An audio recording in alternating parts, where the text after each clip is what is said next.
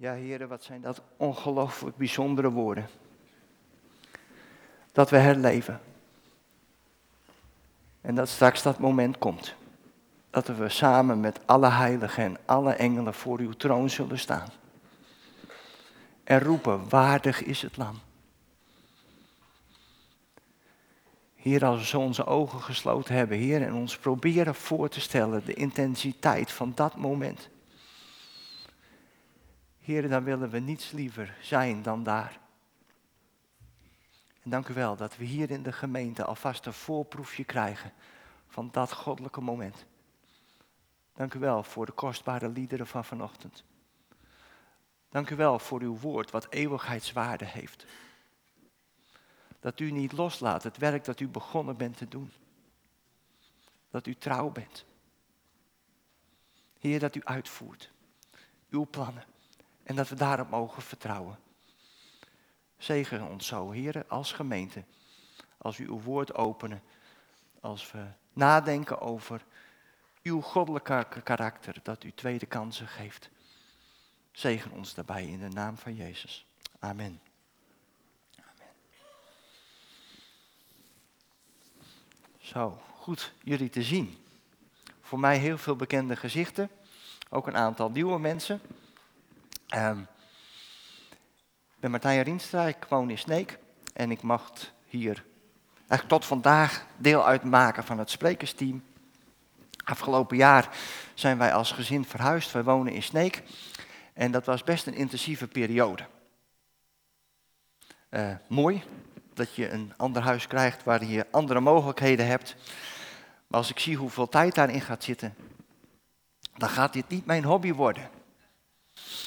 Uh, ik heb andere hobby's.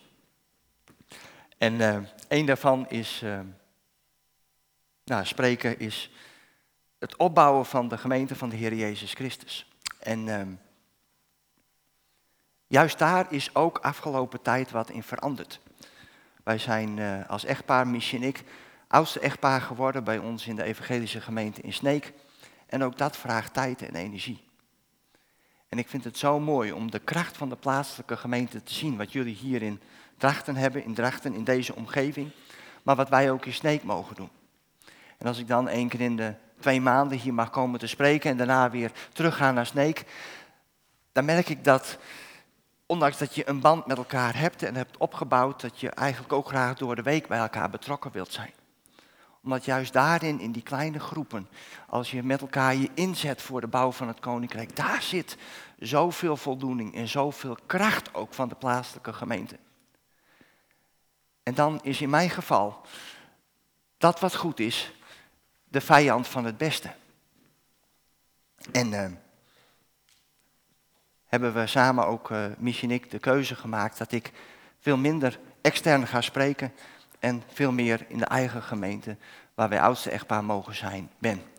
En dat betekent ook dat ik hier graag afscheid neem van het sprekersteam. Dat wil niet zeggen dat ik hier nooit meer kom. Uh, dat hangt van de uitnodiging af en natuurlijk van de beschikbaarheid.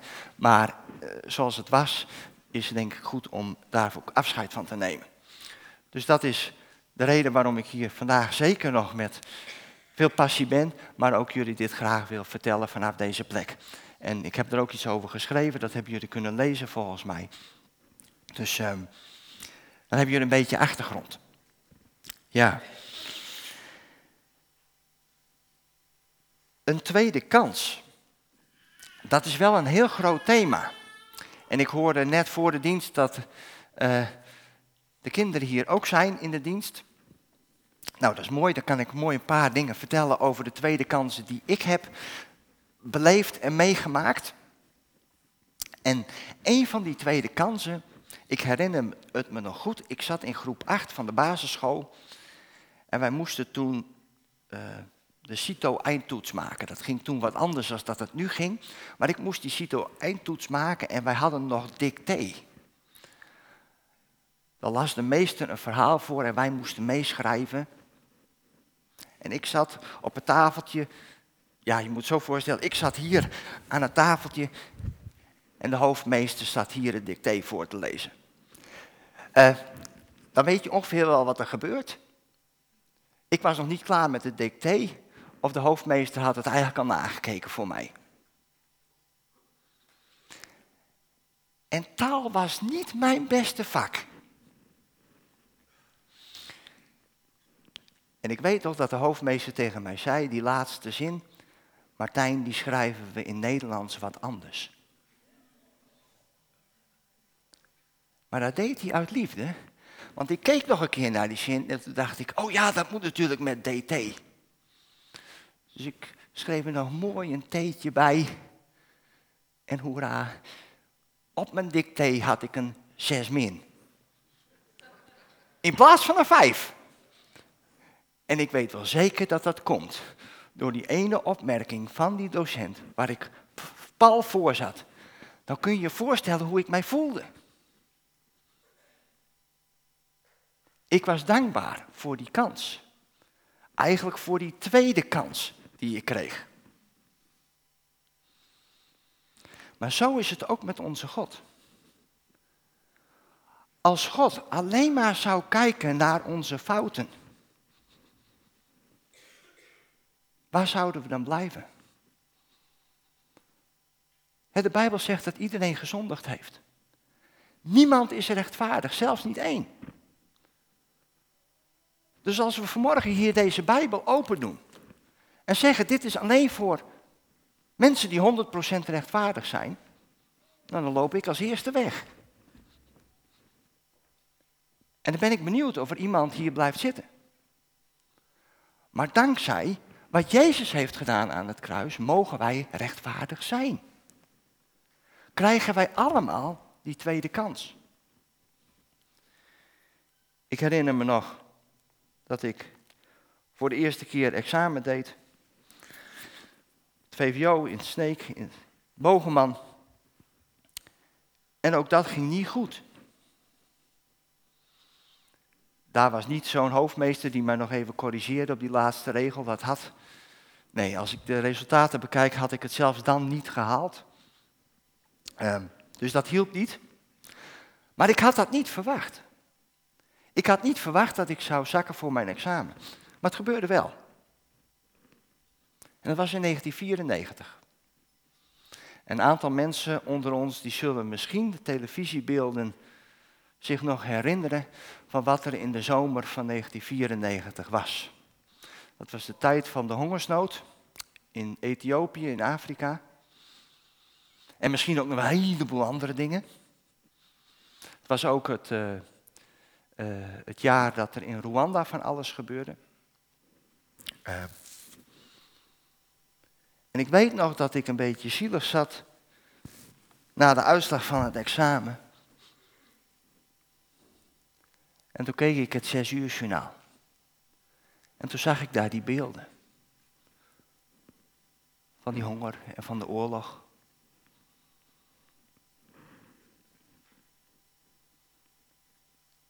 En toen sprak ik als het ware, zoals in de psalmen ook, eh, ook staat, mijn eigen ziel toe. Martijn, wat zit je nou zielig te doen? Je mag deze bladzijde omslaan en je krijgt volgend jaar een nieuwe kans om je examen te doen. Moet je eens kijken naar die beelden op televisie. Hoe graag zouden deze mensen een tweede kans willen? Maar het niet kunnen, niet krijgen omdat er oorlog is of dat er honger is. En ik weet nog dat ik dat als het ware tegen mezelf zei en ging staan. Naar een aantal klasgenoten toe ben gegaan om hun wel te feliciteren. En ik ben vol goede moed, ben ik met die tweede kans aan de slag gegaan. Nou, ik weet niet hoe het jullie vergaat. Maar ik denk dat jullie allemaal, of je nou jong bent of al wat ouder, dat je dit herkent. Dat er momenten zijn in jouw leven waarin je zegt, daar heb ik een tweede kans gekregen. Misschien doet het ook ergens pijn van binnen. Dat je zegt, had ik maar die tweede kans gekregen die ik zo graag wilde. Weet dan dat we een God dienen die tweede kansen geeft. De Bijbel staat er vol van. Neem bijvoorbeeld Abraham. Abraham krijgt een belofte van God, dat uit hem een enorm groot volk zal ontstaan. En op een gegeven moment probeert hij het zelf met Hagar. De oplossing die Sarah, zijn vrouw, hem aanbiedt. Maar dat was niet Gods belofte. En dan staat er in Genesis dat de vruchtbaarheid van Abraham was al gestorven. En ook de vruchtbaarheid van Sarah was al gestorven. En op dat moment zegt God, jullie zullen een kind krijgen. Samen, als man en vrouw. Als God hem bezoekt.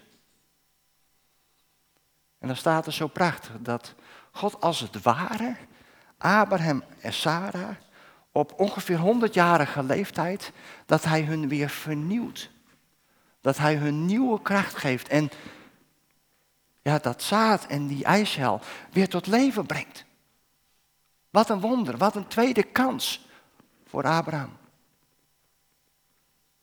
Als je kijkt naar Mozes.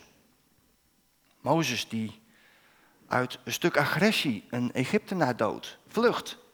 En uiteindelijk door God op een plek gezet wordt om zijn volk uit Egypte te leiden naar het beloofde land. David, die een tweede kans krijgt. Eigenlijk alle geloofshelden die wij lezen in de Bijbel, krijgen een tweede kans. Misschien niet eens alleen een tweede, ook een derde, ook een vierde, ook een vijfde. En vanmorgen wil ik graag met jullie inzoomen op het leven van Petrus, die ook een tweede kans krijgt. Zo vlak na Goede Vrijdag en Pasen. En bij Goede Vrijdag en Pasen gaat het heel vaak, en dat, dat moet ook, over het hele expliciete lijden van Jezus Christus aan het kruis en zijn opstanding. Maar er gebeurt in dat verhaal, in die geschiedenis, gebeurt ook nog zoveel meer wat ons enorm kan leren. En een daarvan is de geschiedenis van wat Petrus doormaakt.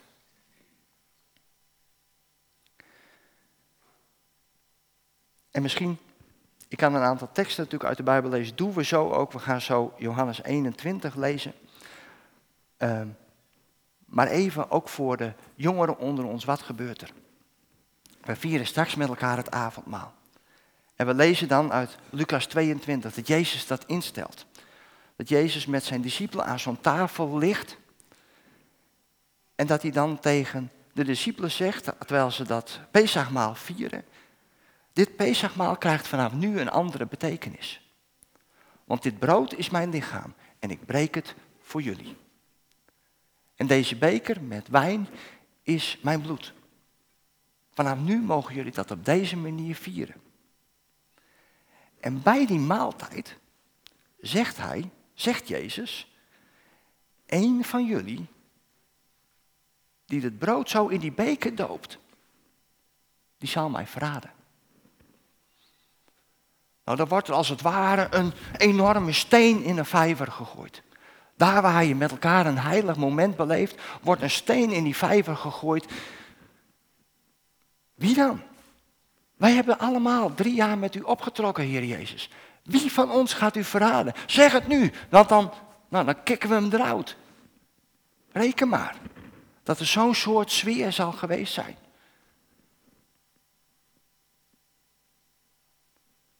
Maar Jezus doet dan iets kostbaars. Hij zegt tegen Johannes, aan wie ik nu dit stukje brood geef, die zal het zijn. Dus hij geeft antwoord op die vraag, maar alleen voor Johannes, zodat hij het weet. Maar tegen alle anderen zegt hij, jullie zullen mij allemaal in de steek laten. Allemaal gaan jullie er vandoor. Nou, dan staat Petrus op. Als zal iedereen u in de steek laten. Ik niet. Ik ben bereid. Als u moet sterven, dat ik ook sterf. En dan zegt Jezus tegen Petrus, voordat de haan kraait, zul je mij drie keer verloochenen. Zul je drie keer zeggen dat ik niet je vriend ben, dat, ik niet, dat je niet bij mij hoort. Petrus kan het zich niet voorstellen. Maar het gebeurt. Jezus wordt gevangen genomen na de maaltijd. Jezus wordt beschuldigd, wordt mishandeld. En Petrus en Johannes zijn daarbij. Die zijn in die tuin, daar waar Jezus uh, gevangen genomen wordt en gevangen gehouden wordt. En daar gaan mensen hem herkennen en zeggen, Petrus, jij hoort toch ook bij die Jezus? Ja, ik weet het zeker. Zelfs je accent verraadt je. Jij hoort er ook bij. En drie keer zegt Petrus, nee, ik ken die man niet. Ik hoor niet bij hem. En na die derde keer.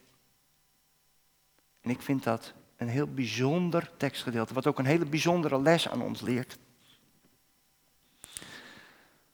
Zodra die haan kraait, weet Petrus, oh ja, dit is exact wat Jezus tegen mij heeft gezegd.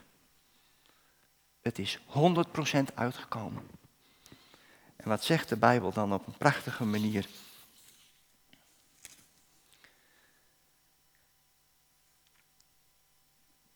In Matthäus 26. Toen ging hij naar buiten en huilde bitter.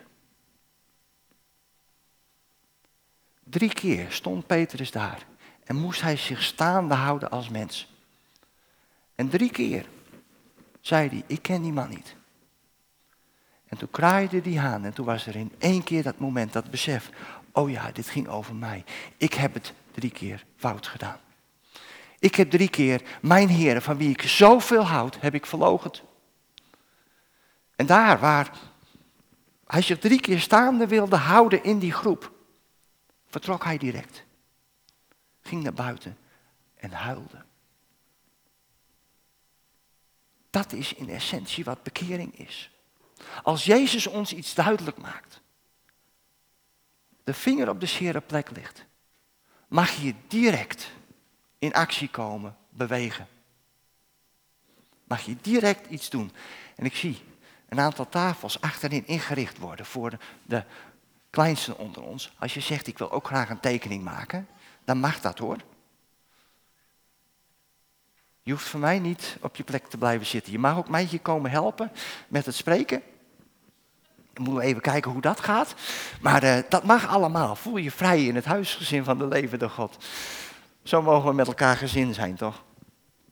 Ja. Dus dat laat iets zien van Petrus. Maar goed, dan is daar dat gebeurd.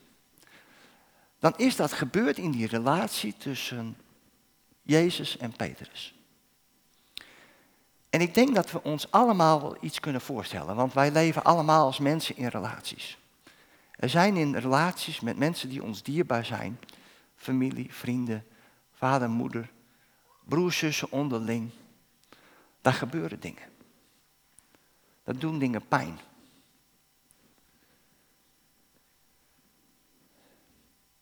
En wij als mensen hebben dan de neiging om het als het ware wat, wat, wat, onder het vloerkleed te schuiven. We hebben het er niet meer over. Maar lost dat wat op? Lost het wat op als je het vloerkleed omhoog doet en het haar onderveegt? Meestal niet. En zo zie je dat Jezus ook terugkomt bij Petrus om die relatie te herstellen. En ik geloof zelf, ondanks dat de Bijbel daar heel weinig over zegt, dat bij de allereerste ontmoeting, nadat Jezus is opgestaan en Jezus daar opnieuw verschijnt bij zijn discipelen, waar Petrus bij was, dat ze daar elkaar in de ogen hebben gekeken. En dat Petrus zich op dat moment beseft, ja, het is echt waar. Die relaties herstelt. Maar dat gaat verder. En dan gaan we lezen uit de Bijbel. Johannes hoofdstuk 21.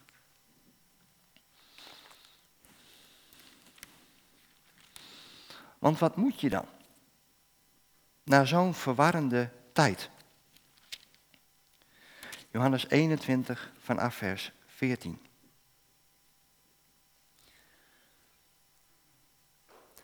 Dit was al de derde keer dat Jezus aan de leerlingen verscheen nadat hij uit de dood was opgestaan.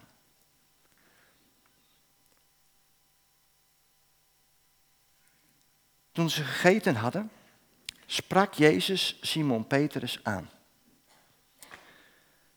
Simon, zoon van Johannes, heb je mij lief? Meer dan de anderen hier. Petrus antwoordde, ja heer, u weet dat ik van u houd. En hij zei, wijd mijn lammeren. Nog eens vroeg hij, Simon, zoon van Johannes, heb je me lief? Hij antwoordde, ja. Heer, u weet dat ik van u houd. Jezus zei, hoed mijn schapen.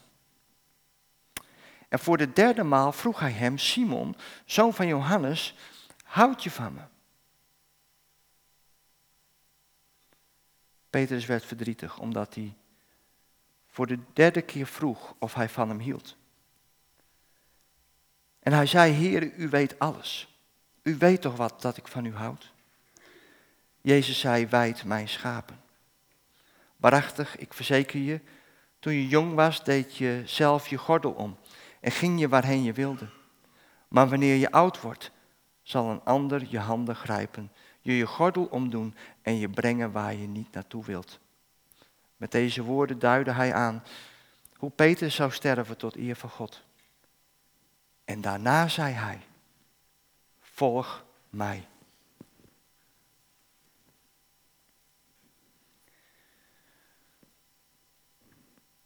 Om dit tekstgedeelte goed te begrijpen, ehm, wil ik eigenlijk twee dingen zeggen, twee dingen aangeven. Vaak is er een misverstand over dit tekstgedeelte. Wij met onze achtergrond kijken, Petrus heeft Jezus drie keer verlogend. Dus er moet iets rechtvaardigs gebeuren dat hij nu ook drie keer moet zeggen dat hij van hem houdt. En pas bij de derde keer is het goed. Drie keer verlogenen, drie keer zeggen dat je van Jezus houdt. En dan strepen wij daar tegen elkaar weg en dan is het weer in evenwicht, is het in balans, is het goed. Dat is hoe wij vaak naar deze tekst kijken. Maar Jezus kijkt echt anders en dat zie je uit de reactie van Jezus, wat hij zegt nadat Petrus antwoordt, ja Heer, u weet dat ik van u houd. Na de eerste keer zegt hij, wijd mijn lammeren. Petrus krijgt bij de eerste keer een opdracht van de Heer Jezus, wijd mijn lammeren. Dus deze drie keer was niet nodig voor het herstel van die relatie.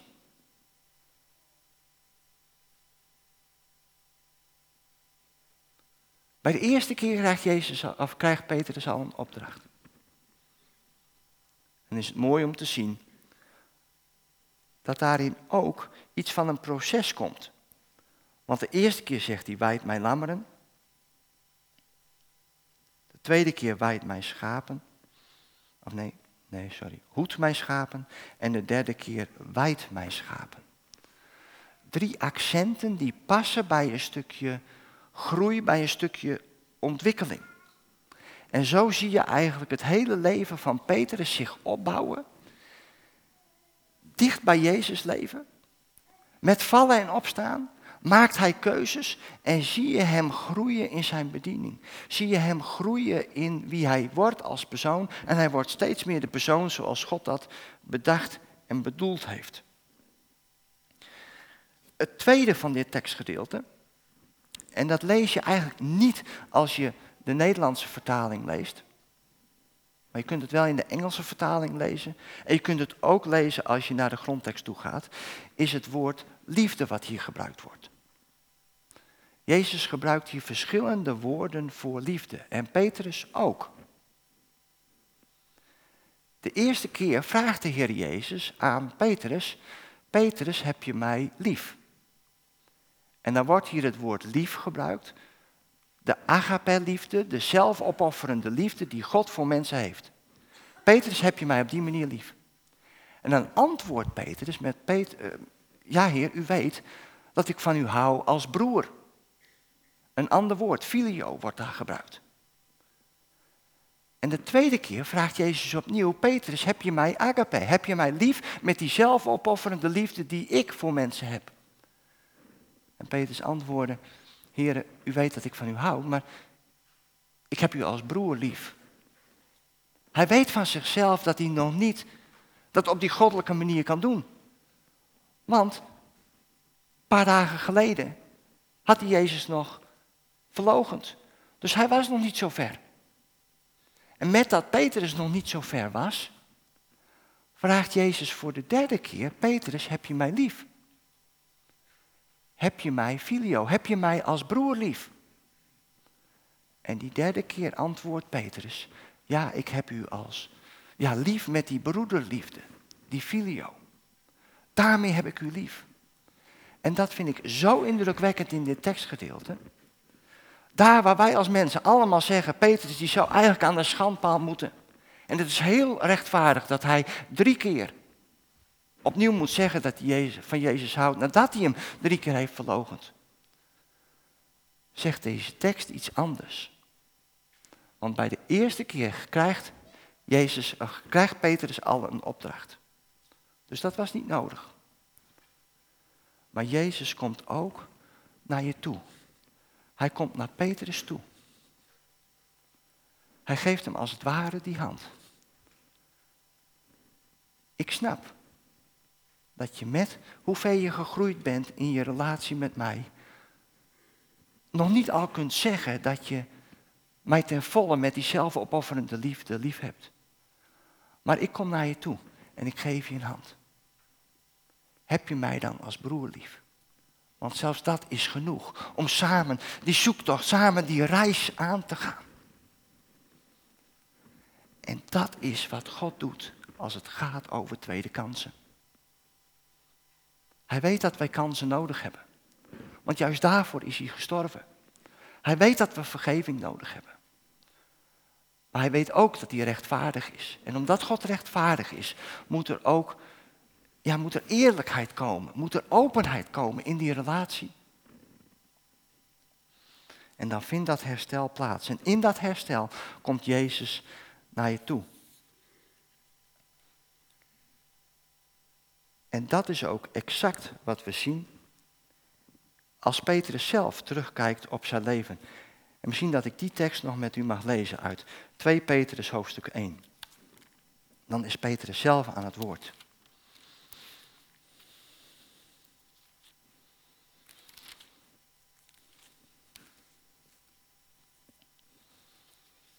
2 Petrus 1 vanaf vers 3. Daar staat boven in de nieuwe Bijbelvertaling, maak uw roeping waar.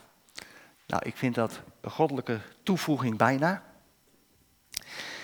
Zijn goddelijke macht, 2 Petrus 1 vers 3. Zijn goddelijke macht heeft ons alles geschonken wat nodig is voor een vroom leven. Door de kennis van hem die ons geroepen heeft, door zijn majesteit en wonderbaarlijke kracht. Hiermee zijn ons kostbare, rijke beloften gedaan. Opdat u zou ontkomen aan het verderf dat de wereld beheerst als gevolg van de begeerte. En opdat u deel zou krijgen aan de goddelijke natuur. Span daarom al uw krachten in om uw geloof te verrijken met deugdzaamheid. Uw deugdzaamheid met kennis. Uw kennis met zelfbeheersing. Uw zelfbeheersing met volharding uw volharding met vroomheid. Uw vroomheid met liefde voor uw broeders en zusters. En uw liefde voor uw broeders en zusters met liefde voor allen. Als u deze eigenschappen in overvloed bezit, is uw kennis van onze Heer Jezus Christus niet nutteloos, maar vruchtbaar. Je ziet hier in dit tekstgedeelte als het ware een aantal schakels die in elkaar haken.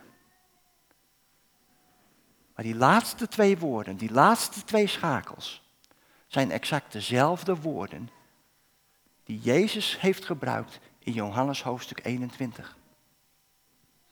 Want hier staat, uw vroomheid met liefde voor uw broeders en zusters. En liefde voor uw broeders en zusters is weer datzelfde woord filio. Dat woord waar Jezus Petrus mee tegemoet kwam. Maar dat hield niet op. En uw liefde voor uw broeders en zusters met liefde voor allen.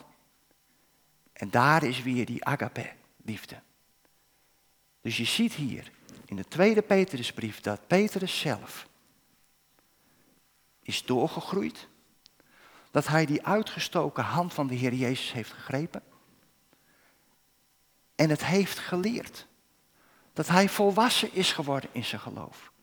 Daar waar hij in Johannes hoofdstuk 21, in die situatie, in die geschiedenis, dat Jezus hem nog tegemoet moest komen, schrijft hij aan het eind van zijn leven die totale andere woorden. De liefde voor broeders en zusters die ik had, die ik heb, is overgegaan in liefde voor allen. En dat is wat tweede kansen doen. Door een tweede kans kun je groeien. Door een tweede kans kun je leren. En je ziet bij al die geloofshelden die ik vanmorgen heb besproken. Abraham, Mozes, David. We zouden Paulus kunnen bekijken, maar we zijn, hebben ingezoomd op Petrus. Al deze mensen hadden tweede kansen nodig. Hebben die tweede kansen gegrepen. En zijn gegroeid in hun geloof met Jezus. En zijn tot een geweldige zegen geworden. En ik geloof dat dat goddelijke principe is niet alleen voor deze paar mannen. Dat is voor ons allemaal, want die goddelijke principes, die gelden ook voor jou. Die gelden ook in jouw leven. En daarom mogen wij die uitgestoken hand die Jezus bij Petrus gaf, ook nu met beide handen aangrijpen. Ja, kom maar. Er kruipt een heel klein kindje voor mensen die het niet zien hier onder de voorste stoel naar voren. Ja, hoi. Leuk. Leuk. Hoe kostbaar is dit? Dat dit kan in het huisgezin van de levende God. En dat hoe jong je al bent, dat je eigenlijk een drang hebt om naar voren te komen. Kunnen wij als mensen wat van leren. Want hoe vaak worden wij niet tegengehouden door een stukje schaamte? Wat zal iemand anders daarvan denken? Maar als Jezus hier vanochtend in het midden zou staan, net zoals dat hij met Petrus sprak, en jou hier die tweede kans aanbiedt, blijf je dan zitten? Of sta je op uit die stoel? Kom je naar voren en grijp je die tweede kans? En zeg je, Heer Jezus, ik weet dat ik het zo nodig heb. Ik weet zo dat ik die tweede kans nodig heb, maar ik wil zo graag groeien. Ik wil zo graag afrekenen met dat wat mij in de weg staat. Ik wil zo graag vol passie mij inzetten voor uw koninkrijk. Want het lied wat we net hebben gezongen, ik herleef. Alles wat we hier om ons heen zijn, zal straks verdwijnen. En het enige wat overblijft is onze ziel, is ons geloof. En met ons geloof en onze ziel zullen wij in die nieuwe hemel en die nieuwe aarde een plek krijgen. Daar waar gerechtigheid heerst. Daar waar Jezus koning zal zijn en niet Charles de derde. Jezus is koning. En hij nodigt je uit, ook vanmorgen, om die tweede kans te grijpen. En als we straks het avondmaal vieren en het wijn is, de wijn is hier, dan mag je ook uit die rijen komen. En ik hoop en bid dat als je straks uit die rij komt en dat slokje wijn neemt, dat je dan ten volle die tweede kans die Jezus geeft, aangrijpt. Amen.